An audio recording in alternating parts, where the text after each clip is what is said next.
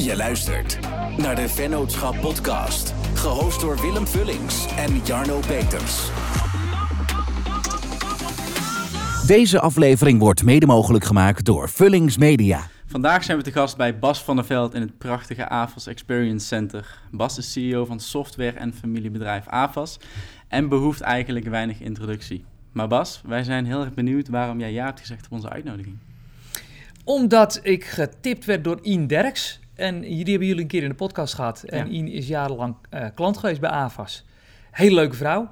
En als Ian zegt dat ik iets moet doen, dan ga ik dat gewoon doen. Nou, superleuk. Fijn dat we welkom zijn. Zeker. Ik heb jou in een, eh, in een eerdere podcast horen zeggen toen COVID eigenlijk eh, ja, net, net binnenkwam. Dat je het super fijn vond om weer die nerdrol op te pakken. Dus je kon nu weer helemaal focussen op het product. En je hoefde niet meer iedere week te gaan spreken of bijvoorbeeld een podcast deel te nemen. En je vond het echt wel erg fijn, gaf je aan. Ehm, ja, lukt het je om dat vol te houden? Om nee te blijven zeggen? Tot nog toe lukt dat goed. Ja, ik eh, besteed nu zeker 20% van mijn tijd, als het geen 25% is, aan weer echt gewoon lekker het product. Mhm. Ehm, aan de ene kant misschien een beetje egoïstisch, omdat ik het zo ongelooflijk leuk vind. Echt gewoon weer lekker in dat, eh, met mijn snuffert in het product. Je moet weten, ik ben ooit product manager geweest hier ook bij AFAS. Dus ik ben echt een nerd. Ehm, en aan de andere kant om ook inderdaad dat het geweld nog niet helemaal is losgebarsten. Hè? Eh, het spreken en ook de, de radio-uitzending, de podcast was toch allemaal op afstand. Dus het is ook makkelijker om nee te zeggen. Ja. Ehm, maar nu ik ook weer zo ontzettend geniet van het product en ook weet dat als ik weer tegen andere dingen ja ga zeggen, dat ik dan automatisch wat meer nee tegen de nerdkant ga zeggen, ben ik, ga ik nog kritischer zijn, zeg maar. Hè? Dus ik heb ja gezegd op jullie podcast, twee maanden geleden. In de tussentijd echt nog zeker zes keer het verzoek gekregen voor een andere podcast. Het is me allemaal gelukt om nee te zeggen. Ja, top. Ja. top. Mooi dat we te gast mogen zijn. Ja, hebben nee, om, eh. een, eh, om een eh, unieke aflevering neer proberen te zetten, hebben wij de Hofnaal benaderd. Jort Verhagen, 18 jaar. Ja, echt al een superleuk gesprek gehad, of eigenlijk een, een call gehad. En daar hebben we ook meteen gevraagd van, eh, is er ook iets wat Bas niet zo goed kan? En toen zei hij, hij, hij luistert niet goed, want hij blijft doorpraten. Oké, ja. Ja, is dat goed? Ja, dat Vind jij het lastig om te luisteren, of is dat vind het ik niet? het lastig om te luisteren. Als jij snel genoeg praat, niet. ja, dat klinkt misschien heel gek, maar ik... eh, als je... nou, ik had gisteren bijvoorbeeld, hadden we een, eh, voor onze stichting, hadden we iemand die ehm, een, eh, een goed doel, die doet dan een pitch bij ons. Mhm. En die hebben van tevoren informatie toegestuurd. Ehm, ik heb die informatie ook goed gelezen. En dan gaat iemand met een pitch beginnen en die gaat dan precies eigenlijk herhalen, woordelijk herhalen, wat er al in de informatie stond die ik toegestuurd heb gekregen. Ja, dan, ja, dat is denk ik de ADHD in mij of zo. Dan ben ik gelijk heel snel ben ik dan eh, weg. Dus ik vind het gewoon bijvoorbeeld fantastisch dat je WhatsApp tegenwoordig op snelheid eh, anderhalf en snelheid 2 Ja. gesproken berichtjes kunt afluisteren. Dat vind ik echt fantastisch. Ehm, dus als het te langzaam gaat, dan haak ik inderdaad wel af, ja. ja. Merk je Ja. dan als iemand aan een, aan een vraag begint of in een gesprek zit, dat je eigenlijk de afloop van, van die zin al weet, zeg maar, dat je gewoon aan het doorratelen bent in je in je Ja, maar het vervelende is wel dat, eh, dat doe ik zeker. En het vervelende is natuurlijk wel dat, dat laten we zeggen, eh, dat ik daar eh, negen van de tien keer dat dat ook klopt wat ik had gedacht. Maar die ene keer van de tien dat het niet klopt, Mhm. mis ik dus wel ook wel eens essentiële informatie. En dat is dus een, het is een onhebbelijkheid. Ik ben een, een ongeduldig iemand. Ja, je moet niet met mij gaan vissen, denk ik, of zo, weet je. Ik, ik wil graag het maximale eruit halen. En dus eh, vind ik ja, wel fijn. En dus verzamel ik ook een hele hoop mensen om me heen die ook lekker snel zijn. Heb je Ja. ook mensen om je heen die daar die die kritische noot blijven houden? Jazeker. De meest belangrijkste is natuurlijk gewoon mijn, mijn vrouw en ook Mhm. mijn, mijn kinderen. Twee meiden heb ik. Die zijn die echt, echt kritisch. En wij hebben altijd hele leuke... Ik bedoel, ik ben elke avond zorg dat ik aan de eettafel eh, zit. En dat we gewoon de dag doornemen en ook kritisch naar elkaar zijn. En mijn kinderen zijn ook zeker kritisch naar mij. En, en tegelijkertijd ehm, probeer ik natuurlijk ook binnen AVAS... eh, ja, geen ja-knikkers om me heen te verzamelen. En de oude garde, hè, dus mensen met wie ik, hier, wie ik hier al 10, 15 of soms zelfs 20 jaar samenwerk, die kunnen over het algemeen wel redelijk kritisch zijn. Mhm. Maar ja, mensen die hier de afgelopen vijf jaar bijvoorbeeld binnen zijn gekomen, dat zijn er honderden. Ja, die zien mij toch als de eindbas. En die kijken dan toch tegen je op en die zijn niet kritisch genoeg. En om dat te stimuleren hebben we inderdaad ook twee hofnarren aangenomen. Nou, dat is een uitgestorven beroep was dat de afgelopen 200 jaar. Ehm, en dat hebben we weer in, in ere hersteld. We hebben dus nu twee externe mensen. Ja, Jort is er één van, Juri is de andere. Die hebben we bij voorbaat al betaald voor een heel jaar. Om één keer in de week zeg maar, ehm, ja, veel gesprekken te hebben met medewerkers. En het, het, het reflectieve vermogen van de mensen te verhogen. En om uiteindelijk dat terug te geven als kritiek en als verbeterpunten. op een, op een ja, ludieke manier soms ook, hè, zoals de Hofnaar het vroeger deed, naar ons. Nou ja, weet je, weet je wat ik het mooie vond? Toen ik hoorde dat Jort 19, en zijn compaan zal waarschijnlijk ook uh, van dezelfde leeftijd zijn. Maar wat ik het mooie nee, vond... Nee, nee, Jort is 18 okay. en zijn compaan is juist 35 denk ik zelfs. Of zelfs nog ietsjes ouder. Okay. Dat is juist zo leuk, jong ja. en oud bij elkaar. Ja, want dat is volgens mij ook een credo, zag ik in LinkedIn. Alleen het leuke wat ik, wat ik, uh, wat ik mooi vond in ieder geval, is dat uh, jullie, die ik echt wel zie als hele succesvolle ondernemers, um, een spiegel voor laten leggen door iemand van 18. Ja. Juist door iemand van 18. En juist door iemand van 18. Ja. Want die durven nog eerlijk te zijn. Ja. Die, die, hebben geen hypotheek, die hebben geen... Ja, die hebben nog geen carrière. Nee. Hè? Dus die durven gewoon te zeggen wat ze vinden. Net zoals mijn dochters zeggen wat ze vinden. Ja. Soms heel ongemakkelijk hoor. Want dan zegt mijn, uh, sta ik met mijn dochter in de lift en dan komt er een, uh, een dame binnen die iets te veel van koekjes houdt of zo. En dan zegt mijn dochter ook van, oh, die zal wel heel veel van koekjes houden, weet je wel. Ja, dat is natuurlijk heerlijk. En, en, en heel veel mensen verliezen een beetje dat hart op de tong. Hè? Mm -hmm. ze, ze, worden steeds ze, ja, politiek correct en ze, ze slikken veel dingen in. Dat is lang niet altijd goed. Nee. Is dat be bewust iets wat je je kinderen mee hebt gegeven, die kritisch nooit? Of denk je dat het gewoon een, een leeftijdsgebonden iets is? Kinderen zijn altijd wat eerlijker dan volwassenen in principe. Zijn. Kinderen zijn eigenlijk altijd wel wat eerlijker dan volwassenen. Um, maar je moet ook je kinderen wel kritisch vermogen meegeven, ja. Om niet overal maar alles wat ze lezen dan maar voor zoete koek aan, uh, aan te nemen. Hoe doe je dat? Nou, uh, mijn dochter, uh, ja, is heel, heel vervelend ook hoor. Maar bijvoorbeeld mijn dochter die, uh, die komt dan bijvoorbeeld af en toe eens met zo'n van die... zit niet op TikTok, ook niet op Instagram en zo, maar ze, ze mag wel op YouTube. Maar ik wil mm. gewoon niet dat ze in die social troep loopt te zitten. Sowieso beperk ik ze heel erg in schermtijd. Maar dan komt ze via, via um, YouTube, kijkt ze dan bijvoorbeeld wel eens zo'n zo'n TikTok filmpje. En ja, ik vind er vaak helemaal niks aan, want ik zie... Dit is gewoon een toneelstukje wat hier wordt opgevoerd. Ze doen alsof het spontaan is en of iemand echt schrikt of als iemand echt dit. Maar ik, ja, ik heb zelf toneel gespeeld. Ik weet echt wel wanneer het echt is en wanneer niet. En, en mijn dochter vindt dat hilarisch. En, en ik zeg, joh, maar dat, dat wist die persoon toch? Nee, natuurlijk niet. Ik zeg, ja, maar hoe kan het dan dat het gefilmd is? Waarom is iemand dat aan het filmen als dit toevallig ontstaat? Dus ik probeer haar kritisch vermogen mee te geven om te beoordelen of datgene wat ze ziet vooropgezet is, of fake is, of, of, of echt is. Mhm. Um, nou, op die manier. En dat kritisch vermogen is iets wat ik bij veel bedrijven ook ja, gewoon in vacatureteksten soms mee staan. Kritisch vermogen, reflectief vermogen. Hoe zorg je er zeg maar, op zakelijk gebied binnen AFAS voor dat je, dat je mensen met, dat, met die karaktertrek blijft aantrekken? Want ik kan me voorstellen dat dat voor jullie als bedrijf zijn super belangrijk is. Het is heel erg belangrijk dat mensen inderdaad gewoon uh, mogen zijn wie ze zijn, authentiek zijn en, um, en inderdaad achter van hun tong mogen laten horen. En dat ik geloof erin dat het voor ons dus heel belangrijk is als, als, als, als managers, leidinggevenden, dat we uh, onszelf ook niet altijd al te serieus nemen. Dus een van de dingen hè, is met humor. Um, nou ja, kijk, een, een, voorbeeldje. Wij hebben bijvoorbeeld uitjes. We organiseren met regelmaat ook uh, leuke uitjes. Dan gaan we weg. Of, vaak verkleed ook. Mm hè, dus gewoon van die, van die uh, themafeesten. Ja, als, als we als thema hebben Afrika Uh, en, ik ga, en, en iedereen is verkleed en ik ga er zelf, omdat ik de directeur ben, in, in, mijn, in mijn pak tussen staan met mijn stropdas, dan ben je niet echt toegankelijk, weet je wel. Dus als zo'n feest is, ja, ik, ik was de laatste keer was ik als Siraf gegaan bijvoorbeeld. Uh, of we hebben een feest, uh, wat was het, jaren tachtig, was ik zelf helemaal als kis gesminkt daar naartoe gegaan. En allemaal dingen om, om, om niet anders te willen zijn en ook benaderbaar. Als, als, je, als, als je dus denkt van, ah, die gast is, die is knettergek, mm -hmm. dan denk je, daar kan ik ook wel wat tegen zeggen. Maar als mensen zich heel erg serieus nemen, en helaas het gebeurt, dat mensen, zeker mannen met macht, zichzelf heel serieus uh, nemen. Um, Neem je dan ook een voorbeeld aan uh, Richard Branson, die dat in dit geval ook doet? Of? Ja, het is wel een inspirerende ja. figuur natuurlijk, als je ziet hoe hij, hoe hij dingen doet. Zeker, ja. ja.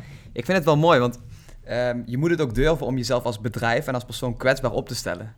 Um, is dat ook om een van de redenen um, om ervoor te zorgen dat als, ja, als ik Google open en ik zie de, zie de jaarcijfers van, uh, van AFAS, dan denk ik, wow, daar schrik ik echt van. Als ik hier naar binnen loop, dan denk ik echt, wow. Maar is dat ook de reden om, uh, blijf je zo ook down to earth? Of? Ja, maximaal down to earth. Ja. Kijk, het probleem is gewoon dat op het moment dat je in een organisatie zit, en je werkt daar al een jaartje of tien. Je bent gewoon medewerker, je doet leuke dingen. En op een gegeven moment word jij tot manager of directeur benoemd. Jij bent dan de dag erop gewoon dezelfde Willem. Ja. Maar iedereen gaat anders tegen jou doen. Ja. Want je bent in één keer de directeur. Ja. En moet je je voorstellen, eh, onze, onze koning Willem, die was geen koning. En op een gegeven moment wordt hij koning en dan, ja, eh, gaat iedereen anders tegen Iedereen doen. gaat hem, Ja, letterlijk. ja en, en dat wil hij helemaal niet. Nee. Want hij is gewoon nog steeds dezelfde. Hij zet zijn wekker op dezelfde manier, geeft Max een kusje, gaat lekker naar zijn werk toe. Eh, dus, dus het is niet zozeer dat hij verandert, maar de wereld om hem heen verandert. En dat is echt heel moeilijk om daar normaal bij te blijven doen. De vraag is maar, hè, dus we zitten nu in die rare situatie van, van The Voice en met, met Marco, met Ali. En de vraag is maar, hadden ze nou ook zo raar gedaan als ze niet zo beroemd waren geweest? Dat vind ik een mega interessante vraag. Maar je hebt, je hebt het zelf meegemaakt binnen AFAS. Je bent als Ja. productmanager uiteindelijk ben je ook directeur geworden. Ja. Ben je daar destijds bewust mee omgegaan en met name hoe ben je daarmee omgegaan? Nou, ik had misschien wel het voordeel dat... dat eh, kijk, ik ben uiteindelijk gewoon zoontje van de baas. Ja? Ja. Mijn vader is de oprichter, van- eh, een van de oprichters van dit bedrijf. En vanaf het moment dat ik daar dus ook in begon te werken... al- als, als broekie hoor... ja, dan moest ik al oppassen van... ja, zeggen mensen nu dingen tegen mij...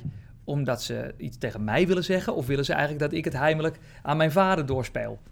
Dus ik, dat hele spel van hoe politiek werkt... en, en ehm, beïnvloeding werkt en zo... eh, ehm, manipulatie... Daar had ik al vrij snel mee te maken. Ehm, en, en kon ik ook wel redelijk goed doorzien. Dus iedere manager, en ik had er laatst weer een hoor, een grote directeur, die zei: eh, Nee hoor, ik hoor altijd de waarheid. En ik hoor ook alles in mijn bedrijf. Iedereen die dat zegt, die spoort niet. Die, die, heeft het, die snapt het echt niet. Eh, dat is namelijk gewoon niet zo. Je moet je echt inbeelden dat zodra je op zo'n positie zit, is niemand meer echt 100% eerlijk naar je. Dan laten ze niet altijd het allerachterste van hun tong zien. Zeker niet als je daar eh, medewerker bent. En wat zijn dan manieren om binnen AFAS, wat zijn jullie manieren om er toch achter te komen wat er nou daadwerkelijk echt speelt? Nou, hofnarren, de twee hofnarren, die halen dingen naar boven die mensen niet tegen mij durven te zeggen, maar wel tegen Jord of Jury durven te zeggen. Eh, vertrouwenspersonen hebben we. Ehm, eh, en, en tegelijkertijd ehm, doe je er natuurlijk alles aan om benaderbaar te blijven, normaal te blijven. Eh, niet in een Bentley hier voor, het, voor het pand Mhm. aan te komen, weet je wel. Niet bewust door dat soort dingen afstand scheppen. Weet je, ik heb een klokje van, nou, wat zal het zijn, 200 euro, maar dat is eigenlijk gewoon mijn stappen tellen. Ja. Weet je, ik loop hier niet met een Rolex van 5000 euro. Het- dat geeft alleen maar, het zijn allemaal dingen die alleen maar afstand geven. Ehm, dus nou, simpele, misschien, misschien simpele dingen, maar wel eh, dingen die denk ik werken. Is het wel eens ongemakkelijk voor je als je zeg maar, je loopt door het pand en je, je voelt gewoon aan alles van ja, ze, ze weten, ik, ik ben hier de eindbaas, eindbas. Vind je het dan wel eens ongemakkelijk om daar zeg maar mee om te gaan of, of is dat nu gewoon normaal Eh, geworden? Intussen doe ik het zo lang al dat dat wel normaal is geworden. Ehm, en, en ja ik, ja, ik zeg altijd, als ik hier ben, moet ik echt proberen de beste versie van mezelf te zijn. Want het is daadwerkelijk zo dat als ik in één keer, ja, vanaf nu bij wijze van spreken begin te shocken door de gang, Mhm. met mijn schouders half zo naar beneden, een beetje naar de grond starend, niet, niet een vrolijke s- snuut trek, dat we gewoon, eh, dat, dat je een paar miljoen kan gaan afboeken. Want als ik zo shock, dan gaat de rest ook zo shocken. Dan denken ze, het zal wel niet goed gaan en eh, zorgen. En, dus ja, het, het, het- dat heeft echt heel veel effect op, je- op je organisatie. En je moet je er wel van bewust zijn dat er altijd naar je gekeken wordt. Is dat wel eens Ik moeilijk? zal hier niet de... Maar eh, in, überhaupt in dit dorp, hè. Ik woon in het dorp waar Ja. ik werk. Ehm, moet je je voorstellen dat, dat ik mijn kinderen naar school breng... en ik kwak mijn, eh, mijn auto op de invalide parkeerplaats. Ja, dat is hier, zie je wel. Dat is die directeur van AVAS. Die is natuurlijk naar de bol gestegen, hè. Jij gaat met, jij gaat met, met eh, voet naar, eh, naar het werk, toch? Ja, ja, zeker. Ja, ja. ja, dat heb je goed, eh, goed eh, gezien ergens. Maar nee, je moet altijd, vind ik dan, op willen passen eh, op, op hoe je... nou ben ik helemaal niet zo dat ik mijn auto op die invalide parkeerplaats wil zetten, hoor. Maar ik, bij wijze van spreken. Maar ook Bas heeft wel eens een kutdag. En als je dan niet rondloopt, moet, moet je dan een soort van semi-act op gaan voeren om toch borst vooruit en, en, en een glimlach op je gezicht door het pand te lopen? Of hoe ga je Nou, dat is een ongelooflijk goede vraag natuurlijk. Want de vraag is van, ja, maar ja, ja, als je dat dan doet, ben je gewoon eigenlijk aan het liegen, zou je zeggen. Ben je op dat moment niet helemaal jezelf of zo. Dus, ehm dat is een hele goede vraag. Ja, dat moet je voor een deel doen. En tegelijkertijd moet je ook je emoties laten zien. En eh, ik heb afgelopen, eh, we houden iedere maand hier wat wij noemen cultuurcafé in ons Mhm. theater. Sta ik op het podium, praat ik tegen alle medewerkers over bepaalde onderwerpen. En uh, afgelopen keer ging het ook over uh, uh, machtsmisbruik, seksueel misbruik. Hè, de hele situatie waar, we nu, waar heel Nederland het over heeft. Daar wilde ik het ook over hebben met alle medewerkers. En daar heb ik ook over mijn, een persoonlijke ervaring die ik heb meegemaakt van machtsmisbruik gehad. Hè, dus dan maak ik het heel erg persoonlijk. Dat raakt me ook zelf als ik het daarover heb. Mhm. Ik mag daar best mijn kwetsbaarheid in tonen. Daar is niks mis mee. Om vervolgens ook natuurlijk wel te laten zien hoe ik vind dat we in deze organisatie wel moeten gaan. Dus het is ook wel heel duidelijkheid. Duidelijk zijn in, denk ik, wat je verwacht van mensen en wat, je, wat je strategie is. Maar je mag, je mag natuurlijk ook je kwetsbaarheid tonen. Niet om maar een ijzeren uh, stalen henkie of zo te zijn. Dus op gekozen momenten, zoals zo'n cultuurcafé, ja. um, laat je heel erg je menselijke kant zien, je kwetsbare kant. Ja om ervoor te zorgen dat inderdaad medewerkers en iedereen binnen AFAS wel het gevoel heeft van... hé, hey, het is geen machine. Het Ja. is niet altijd een goed nieuwsshow. En eh, daarmee voorkom je eigenlijk dat als je altijd met een glimlach door de gang loopt... dat mensen dat gaan denken van... hé, hey, maar met die Bas gaat het altijd supergoed. Hoe kan het dat het bij mij niet zo is? Doe Ja. ik iets verkeerd? Ja, want het is, laten we heel helder zijn. Ik ben gewoon net zo'n mens als jullie allemaal en wij ook. Eh, dus ehm, het gaat met mij ook niet altijd goed. Dat is onzin natuurlijk. Dat is juist ook een beetje het verneukeratieve van die tijd van tegenwoordig. Dat iedereen op social media maar alleen de leuke dingen zet. Nee, we hebben allemaal baaldagen. We hebben allemaal rottige dingen die we maken, meemaken. We hebben eens hoofdpijn, eh, dit of dat. Ja, ik ben zeker een geboren optimist. Ik zie echt bijna altijd wel de, de goede kant van het, eh, van het verhaal. Maar hey, eh, ja, we hebben nu een, een medewerker van 21 met een kind van een jaar die, eh die eerdags gaat overlijden. Omdat de kanker door het hele lichaam zit. Daar is weinig positiefs aan, eh, aan te zien. En toch is daar ook iets moois aan te zien. Als je ziet eh, hoe we daar bijvoorbeeld als organisatie mee omgegaan zijn. En ook hoeveel kracht en liefde zij met zo'n leeftijd aan, aan de mensen hier heeft gegeven, is ongekend. Hè? Dus het is wel natuurlijk ook welke kant wil je op kijken. Maar nogmaals, je vraag is heel erg goed, omdat ik echt niet vind dat je, dat je dus eh, niks van je gevoel moet laten zien. Ik vind ook dat je een, een zakelijke verantwoordelijkheid hebt om niet, eh, ja, eh, keihard te gaan zitten janken op een podium of zo. Nee, Ja. nee, daar moet je ook een, eh, ook een modus in vinden. Ja, Ik ja vind- dus ik weet niet of het duidelijk is wat ik zeg. Ja, ik vind het wel duidelijk, maar ik heb wel een vervolgvraag daarop. Nou, want, want ik kan me voorstellen dat dat op, ehm, en dat is misschien een rare vraag, maar dat dat op materialistisch niveau ook is. Dat als je een hele mooie winst draait op het jaar en je denkt van ik wil mezelf belonen. En dat je dan denkt van oh ik wil bijvoorbeeld wel die auto of misschien toch die Rolex kopen. Niet dat dat misschien jouw ding is, maar dat je denkt van oh dat wil ik graag hebben. En dat je dat dan toch niet doet omdat je dat, omdat dat je, ja, je ego versterkt of, of de buitenkant versterkt. Hoe ga je daarmee om? Ja, ehm, kijk, hey, eh, eh, eh, iedereen mag voor mij doen met zijn geld wat hij wil doen. Dus dat is het niet. Het is wel. ehm, ja, kijk, ik haal er zelf niet zo heel veel uit. Mhm. Ehm, uit een Rolex of uit een dikke auto of een heel wagenpark. Of, of, een, of, een, of een jacht van 100 meter. Ik wil vooral bovenal graag goed wonen. Dus ik woon ook prachtig. Ja. Ehm, en, en, ik, en, en ik vind ook dat ik dat mag doen. Ja. En dat mag iedereen doen met geld. Ehm, het is wel zo dat, dat geld, zou je zeggen, eh, nou ja, maakt gelukkig, maakt in ieder geval een aantal, een heel aantal dingen makkelijk, maar boven een bepaalde grens maakt het eigenlijk helemaal niks meer uit. Hè? Dus ik heb wel eens gezegd, gekscherend, van joh, je zou eigenlijk ook wel kunnen zeggen, iedereen eh, mag maximaal 10 miljoen hebben en alles erboven, wat je erboven verdient in een jaar, dat gaat naar de staat. Ja. Heb ik wel eens gekscherend gezegd. Maar ehm, ik geloof ook echt niet dat het meer uitmaakt Nee. eh, op een gegeven moment. Ja, waarom dat ik dat vraag en omdat wij zitten, en ik ga trouwens alleen voor mezelf praten, alleen wij zitten natuurlijk in de start van ons ondernemerschap. Ja. Weet je, we kunnen onze eerste factuurtje sturen. Ik heb afgelopen jaar mijn eerste appartementje kick, gekocht. Super tof, maar wij hebben nog wel, ik heb voor mezelf echt dat einddoel van oké, ik wil wel eh, ook beloond worden voor het werk en alle uren die ik erin stop. Ja. Maar ik kan me ook voorstellen, als je dat geld dan uiteindelijk hebt, dat het heel veel verantwoordelijkheid geeft wat je met dat geld gaat doen. Mhm. En ook in welke goede doelen dat je gaat investeren, in welk team dat je gaat sponsoren, of je, want jullie sponsoren heel veel. Ja. Ehm, ja, hoe ga je daarmee om? Ja, nou, wel even goed om du- duidelijk te maken dat er een groot verschil is bij ons staan tussen sponsoren en doneren. Hè, sponsoren, A- AZ, Avers eh, Live, Avers eh, Tennis Classics, Avers Circus Theater, allemaal om er beter van te worden.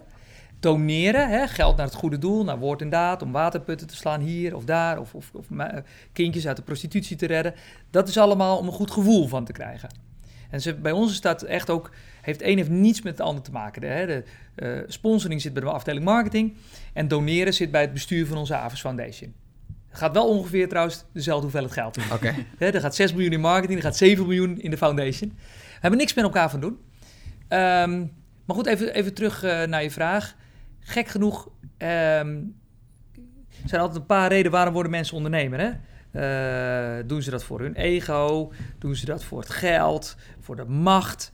Um, bij mij zou je dan toch misschien kunnen zeggen: ik doe het zeker niet voor het geld, nooit voor het geld gedaan. Ik doe het ook niet voor de macht, maar misschien toch wel voor het ego. Mm Ik vind het toch wel heel erg leuk om een presentatie te geven voor een grote groep ondernemers. En dat ik dan na afloop een, mooi applaus krijg. Of, of, of, dat mensen het leuk hebben gevonden. Dat ze na afloop zeggen, wauw, ik ben geïnspireerd. Ja, dat is toch wel iets wat ik heel erg leuk vind. En uh, ja. Was je ondernemer geworden als je vader dit bedrijf niet had gebouwd, denk je? Nou, dat is maar, is maar helemaal de vraag geweest. Dat was maar helemaal de vraag geweest. Ja. Ik was wel ondernemend, maar je moet op een gegeven moment ook de kans krijgen. Mijn vader was, even kijken, moet ik het goed zeggen, ook in de 40 denk ik, dat hij de kans kreeg om het te doen. En als ik de kans niet had gekregen, had ik het misschien niet geworden. Ik heb, ik heb, ik heb niet dat ik, eh, zoals jullie, echt op hele jonge leeftijd al gelijk begon te ondernemen. Nee, nee, nee. Ik heb heel veel geluk gehad dus. Echt heel veel geluk gehad. Ja. Nee, ik zou, ik zou willen dat ik een ander antwoord had, hè. Maar uh, nee, ik, ik, ik, je kunt mij namelijk ook gewoon nu op een boerderij planten in Australië. Uh, dan zal ik wel mijn best doen om er de mooiste boerderij van Australië van te maken. maar um, nee, het was niet per se zo. Ja, ja, ik ben wel eigenwijs. Kan ook niet heel erg goed omgaan misschien tegen, tegen bevelen van bovenaf of zo. Dus het, het had waarschijnlijk op een, andere manier, op een of andere manier misschien ook wel gebeurd. Maar nee, sommige mensen die echt op een 18e, zoals Jord bijvoorbeeld op zijn 18 al, of wat is het, vanaf zijn 13 al aan het ondernemen was, ja. daar was ik niet. Nee. Bas, je gaf aan heel eerlijk van ja, het is misschien toch wel een ego-dingetje. En ego is best wel een topic. Ook de laatste jaren, je hoort het steeds meer in, dat soort persoonlijke ontwikkelingspodcasts en zo. En toch ligt er vaak een bepaald stigma op van ego is toch een vies dingetje. Hoe, hoe, hoe komt dat, denk je? Want jij bent er gewoon heel eerlijk en open over. En eigenlijk zouden we dat allemaal moeten zijn tot een bepaalde hoogte. Hoe kan het dat er zo'n zo'n stigma op ligt, dat het een beetje vies klinkt? Ja, ja dat, dat hebben we onszelf verteld, hè? Dat, je, dat, je, dat je geen ego mag hebben of zo. Terwijl, ja, ja, zonder ego besta je niet. Je moet het alleen niet de overhand laten uh, geven, eigenlijk. Um, ik heb daar een prachtig boek over gelezen van uh, Ryan Holiday. Ego is the enemy. Hm. is echt een, echt een tip. Ik kan hem ook in het Nederlands lezen trouwens. Ego is de vijand. Echt een prachtig boek. Dus je moet je niet laten leiden door je ego. Maar je ego heeft af en toe voeding nodig. Je hebt af en toe even gewoon nodig dat iemand zegt: dat heb je goed gedaan. Uh, en door, zeg maar. Nou, toevallig hier kreeg ik vandaag, werd ik verrast. Uh, ik, was, uh, ik ging net eten in het restaurant en in één keer stond er bam een camera bovenop mij. Met, uh, met iemand ervoor van de ondernemer. Okay. en ik ben blijkbaar uitgeroepen tot meest inspirerende ondernemer van 2021. Okay. Nou, hartstikke mooi. Weet je heel veel stemmen uitgebracht en blijkbaar de meeste stemmen op mij. Nou, vereerd natuurlijk. Um, en, en op dat moment denk ik echt wel even van, oh, leuk. Ja. Maar ik moet wel zeggen, ik ben twee minuten laat, ben ik het vergeten. En uh, is het weer gewoon, ja jongens, uh, lekker door, want er is nog zoveel leuks te doen. Um, wij hebben het nooit echt, dat, dat, is misschien gek om te zeggen, want we zijn best wel een bedrijf wat best wel veel geld verdient, maar daar echt nooit voor gedaan. Wij, ik, ik, ik, ik, ik krijg de kick van dat er een ondernemer naar me toe komt en zegt, pas, AVAS heeft mijn bedrijf zo mooi geautomatiseerd. Ik ben er zo op vooruit gegaan. Ik ben een leuke bedrijf geworden. Er wordt efficiënter gewerkt. Ik ben, ik ben winstgevender geworden. Er zit groei in. Ja, daar krijg ik echt een kick van. Um, en, en dat is een heel ander soort kick dan, dan, dan geld op je bankrekening bijschrijven. Als wij AFAS van de buitenkant kijken en jullie delen veel, jullie zijn open, dus je, je kunt best wel wat, wat meekrijgen als buitenstaander. Dan zien we enerzijds dat jullie super modern zijn, super innovatief. Nou, het pand hier zegt, zegt, genoeg. Um, van de andere kant kom ik bepaalde dingetjes tegen waar jullie, um, ja, misschien is conservatief niet het goede woord, maar bijvoorbeeld kledingvoorschriften. Mhm. Op jullie uh, werken bij staat een hele duidelijke, ook weer mooi met, met fotootjes van dit mag wel, dit mag niet, weet je wel, echt op de avonds manier. Maar toch uh, kom je hier niet binnen in een t-shirtje, of als je hier werkt ga je niet in een t-shirt en een spijkerbroek naar de klanten, klopt toch? Klopt. Ik vind het een beetje nou, ik weet niet of het tegenstrijdig is, maar enerzijds zie ik dus die strikte voorschrift en anderzijds zie ik dat ja, het kan niet gek genoeg en het kan niet modern genoeg en het kan niet leuk genoeg vooral. Waar zit die, die keuze voor toch die striktheid en dat lossen? Dat is ook weer een hele goede vraag. Je, stelt goede vragen, jullie allebei trouwens. Um, Ja, uiteindelijk hè, eh, eh, bepaal je natuurlijk zelf. eh, Vergelijkbaar met even een soep. We, we maken een soep. En uiteindelijk gooien wij daar de ingrediënten in. Ehm, eh, hoe wij het graag zien. Ik lees ook heel veel. Dus ik, ik, je pakt af en toe wat van, ik noem wat. Je giet er een beetje Ricardo Semler in. Je giet er een beetje eh, Joop van der Ende in. eh, een, beetje, een beetje Richard Branson, wat je net zegt. En uiteindelijk ook heel veel dingen die je zelf hebt ontdekt. die wel of niet werken. En, ehm, en soms plakken andere mensen daar dan een stempel op ouderwets.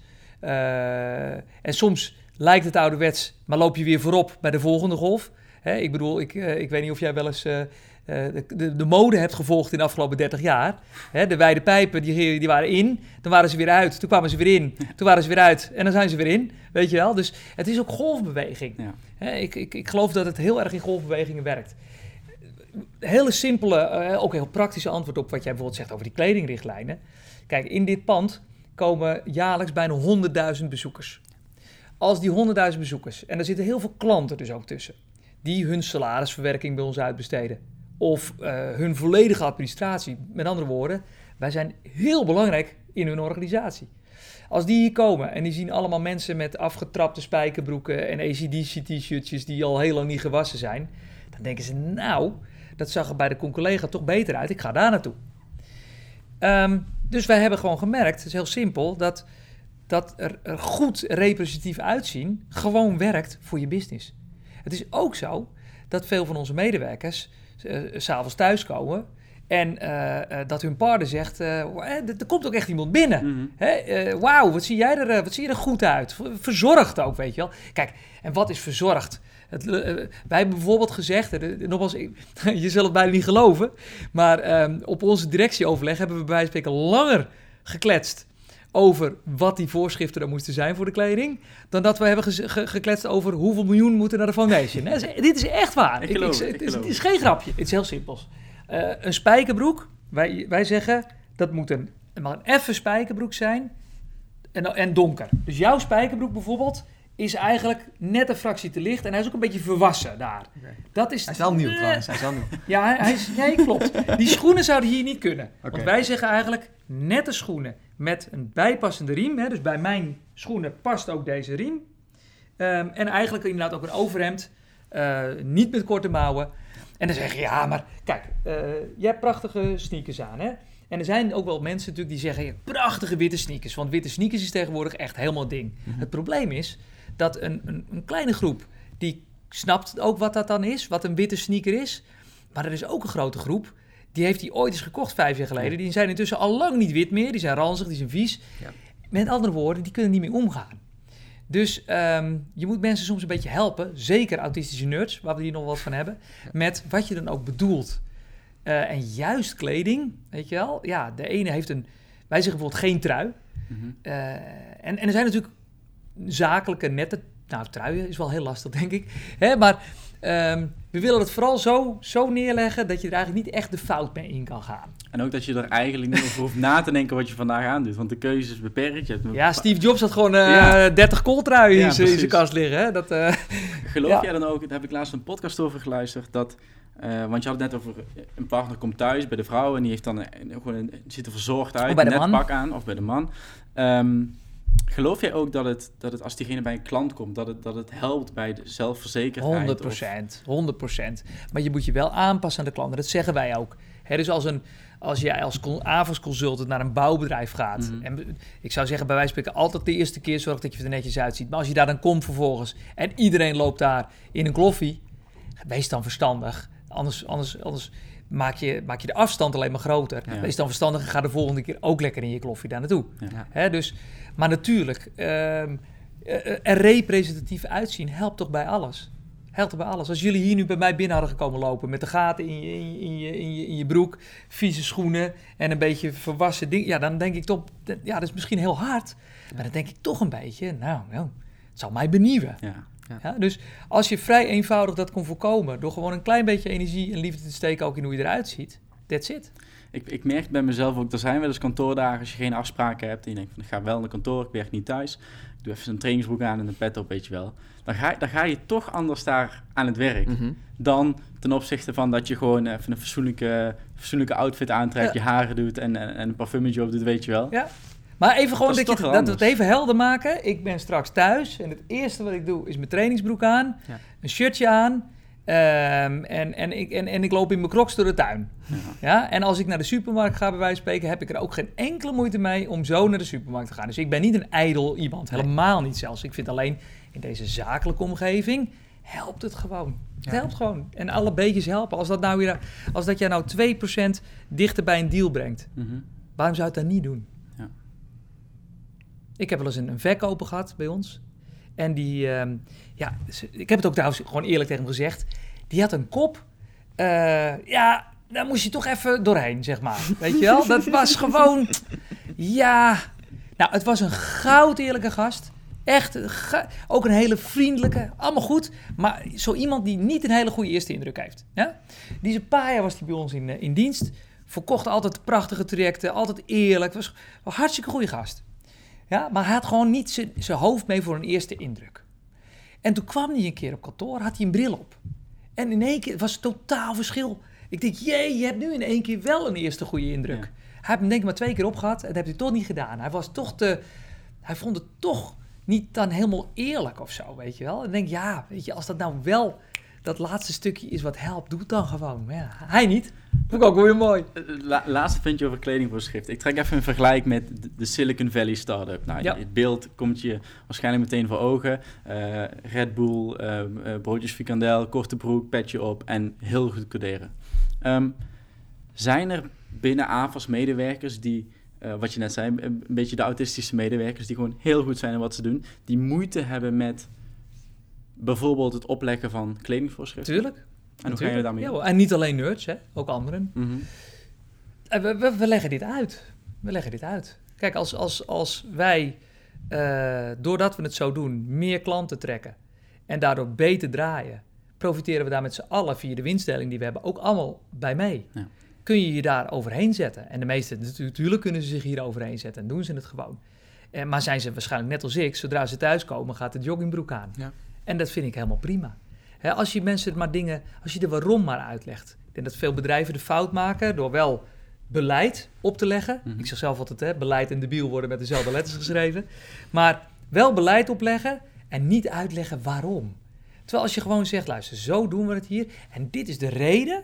Dan zeggen mensen, oké, dat snap ik. Ik vind het misschien, misschien nog steeds niet leuk, maar ik doe het wel. En we zitten ook wel in een, in een tijd... Ja, niet alles hoeft maar leuk te zijn, hè? Potverdorie. Het is, Ja, we zijn verwend. ja, natuurlijk gruwelijk verwend. Gruwelijk. Nou, misschien, ik weet niet of dat bij jullie ook al zo was, maar tegenwoordig heeft iedere, iedere middelbare schoolleerling, die, die neemt een tussenjaar. Ja. Nou, in mijn tijd was je nog gewoon lui, hoor. En komt dan terug met een burn-out. Ja, nee, ja, een tussenjaar, ja, nou, dat heb je mooi gezegd. We zijn natuurlijk wel stik verwend, hè. Kijk, ik, ik heb het geluk gehad dat in mijn jeugd, ik begin echt zo'n opa te klinken, maar dat, dat ja, ik, ik, ik, ik werkte vanaf mijn dertiende bij een rozenkweker. Bij een rozenkweker. Ja. Ja. Zeven uur 's ochtends in, de, in die kas, in het weekend. Nou jongen, klote werk. Heet en zwaar en die, die doornen voortdurend in je handen. Het was zo kloten dat ik één ding wist. Dit wil ik later nooit worden. Dus het heeft mij zo'n mega motivatie te geven om goed mijn best te doen op VWO. Goed de best te doen op de universiteit. Goed de best te doen hier. En ik ben nog steeds gigantisch blij dat ik dit mag doen. En dat ik niet dag in, dag uit in zo'n kas een beetje heen en weer moet, eh, moet, eh, moet krijgen. Wij, wij hebben het hier misschien wel elke maand over. Dat we even die herinnering maken. We hebben precies hetzelfde gehad. eh, eh, op het land gewerkt, weet je wel. Och, 1, 2, 3 Asperges zomers. steken. Ja, van, alle, van alles en nog wat. Maar, dan, Zo, dat is pas werken. Wat wij doen is gewoon een hobby, toch? Oh. maar het, het, het helpt zo. Het, ik vind dat zo'n belangrijk onderdeel van, van je opvoeding. Want precies wat jij zegt. Het, het, het, het helpt je zo van...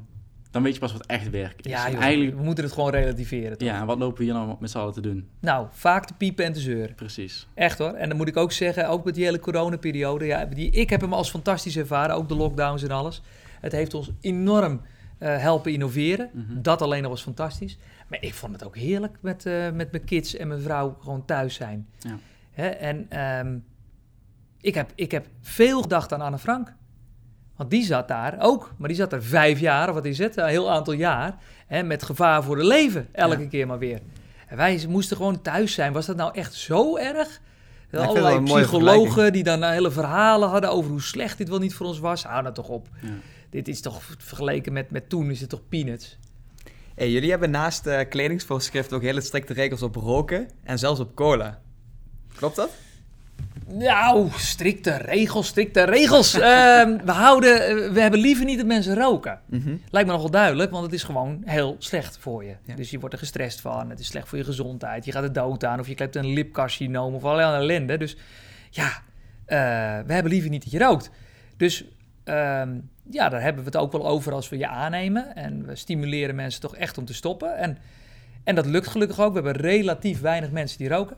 Dus dat is heel positief. En ik sprak net nog weer een, uh, iemand van onze hospitality team. Ik zeg, hey Ingo, uh, hoe is het met roken? Ja, gestopt, allemaal. Ik zei, nou joh, wat cool. Ik zeg ook maar beter nu dan, dan als je je veertigste met, zo, met die groeven in je kop. Mm. Uh, dat je moet stoppen, omdat je die geen, dat idee hebt dat je een rietje ademt. Dus ja, ja, dat klopt.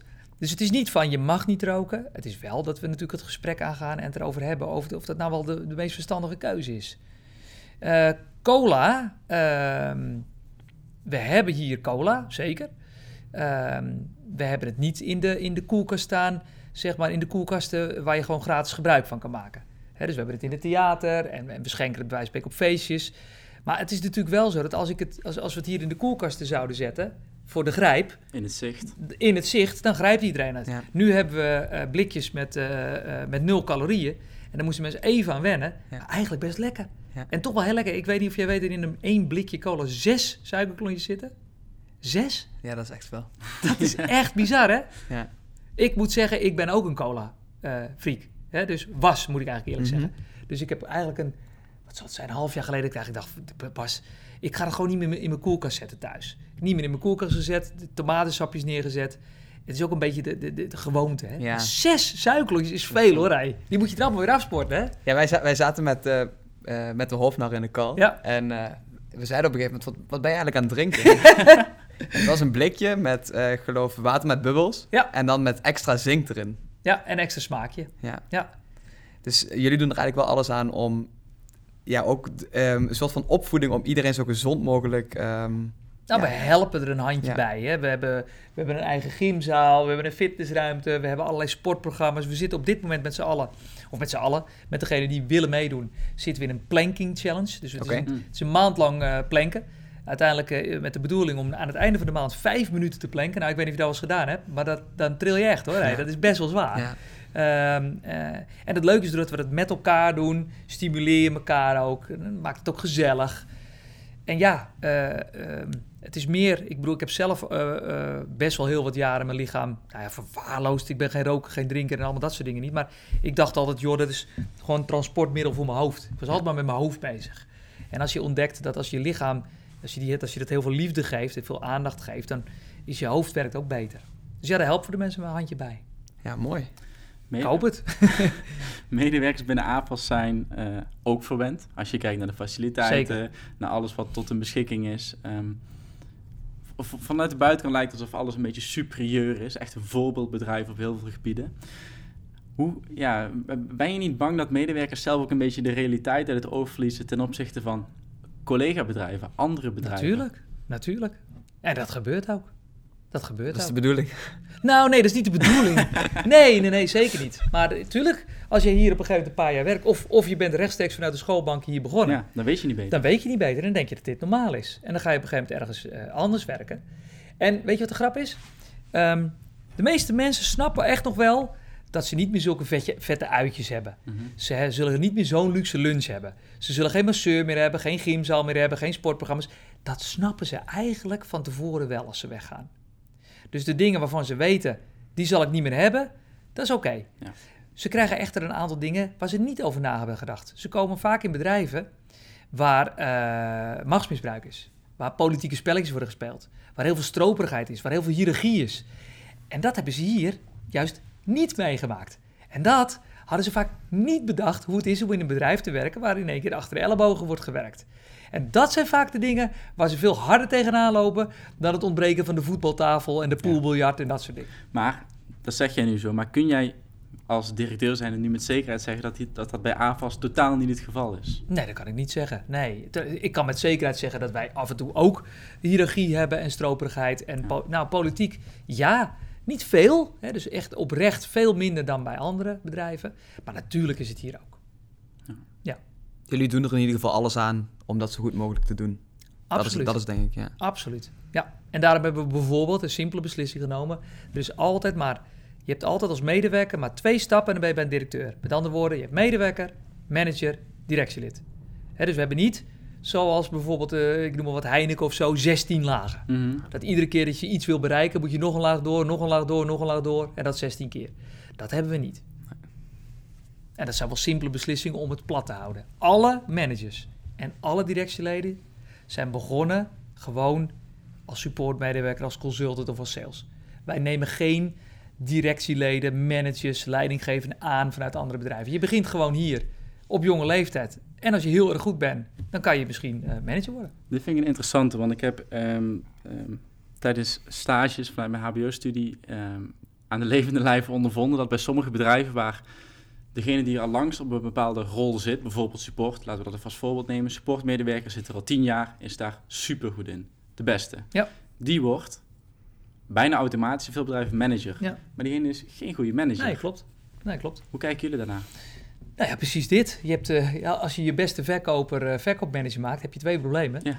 Je bent je beste verkoper kwijt en je hebt waarschijnlijk een slechte eh, verkoopmanager. Dus het zijn ander soort skills. En eh, ja, wij hebben nu 600 medewerkers en daar loopt natuurlijk genoeg eh, leiderschapstalent rond.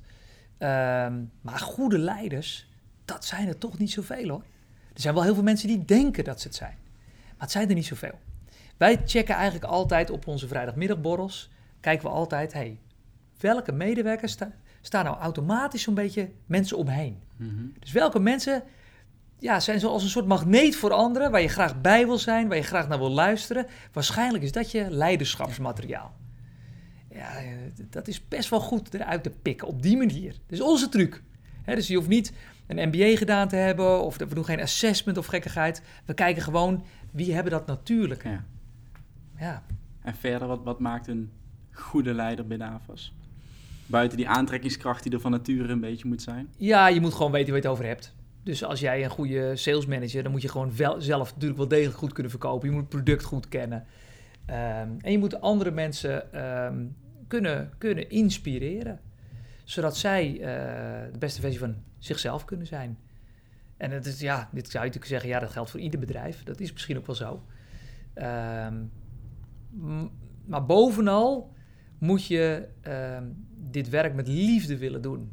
Je moet er echt van houden. Moet het echt leuk vinden om iets te bereiken met mensen, met andere mensen. Dat is waar we zeker, eh, denk ik, wel uniek in zijn. Liefde, er wordt niet zo heel veel over liefde gesproken in bedrijven. En wij hebben er Mm. heel veel over. Ja, Ja. ja. Wij willen met liefde omgaan met klanten, met medewerkers. En proberen ook voortdurend te laten zien wat dat dan, wat dat dan voor in, ons inhoudt. Ja. Ja. Goed voorbeeld doet volgen. ja. Zeker.